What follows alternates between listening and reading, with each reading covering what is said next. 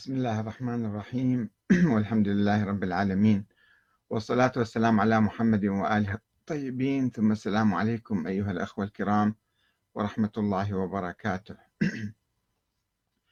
فيما يلي حوار مع الصحفي الكردي شورش أنور من صحيفة أجانس الوكالة الكردية حول أصول الفكر الشيعي وتطوره.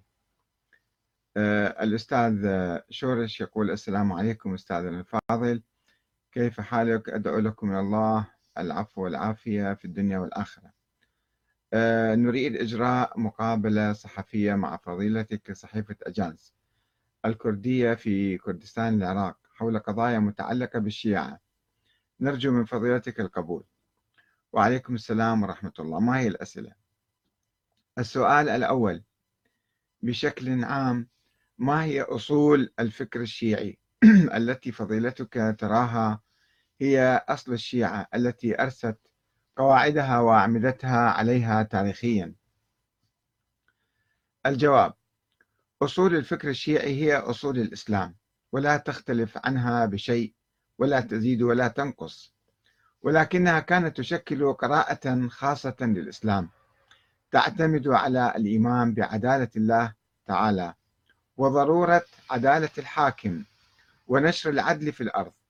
في مقابل بعض المدارس الإسلامية التي لم تكن ترى صفة العدل في الخالق وتعتقد بإمكانية ممارسته للظلم وذلك بإدخال المؤمن العامل المطيع في النار وإدخال الفاسق الفاجر الكافر في الجنة في يوم القيامة يعني. وبجواز كون الحاكم ظالما فاسقا فاجرا. ووجوب طاعته حتى لو استولى على السلطة بالقوة وأراق أنهارا من الدماء.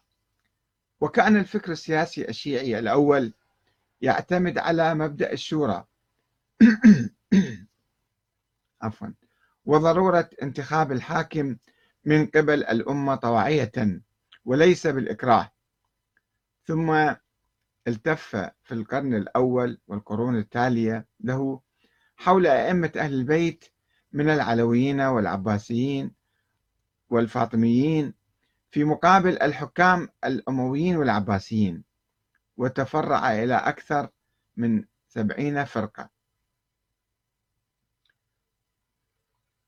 وكان منها ما يعرف اليوم بالفرقة الإمامية الاثنى عشرية التي تطورت عبر الزمن وبصورة سرية وقالت بوجوب اتصاف الحاكم بصفات مثالية كالعصمة من الله تعالى حتى لا يحكم هذا الإمام بخلاف الشريعة الإسلامية أو إرادة الله.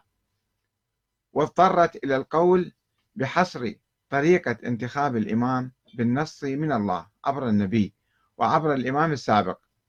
وانتهت هذه الفرقة مع وفاة الإمام الحادي عشر الحسن بن علي المعروف بالعسكري سنة 260 للهجرة. وعدم وجود ولد ظاهر له انتهت إلى طريق مسدود فافترضت وجود ولد له في السر وقالت إنه هو الثاني عشر وقد غاب منذ ذلك الحين وسيظهر في المستقبل. السؤال الثاني. اليوم أين الشيعة من هذه القواعد والأصول الفكرية الأصيلة للشيعة تاريخيا.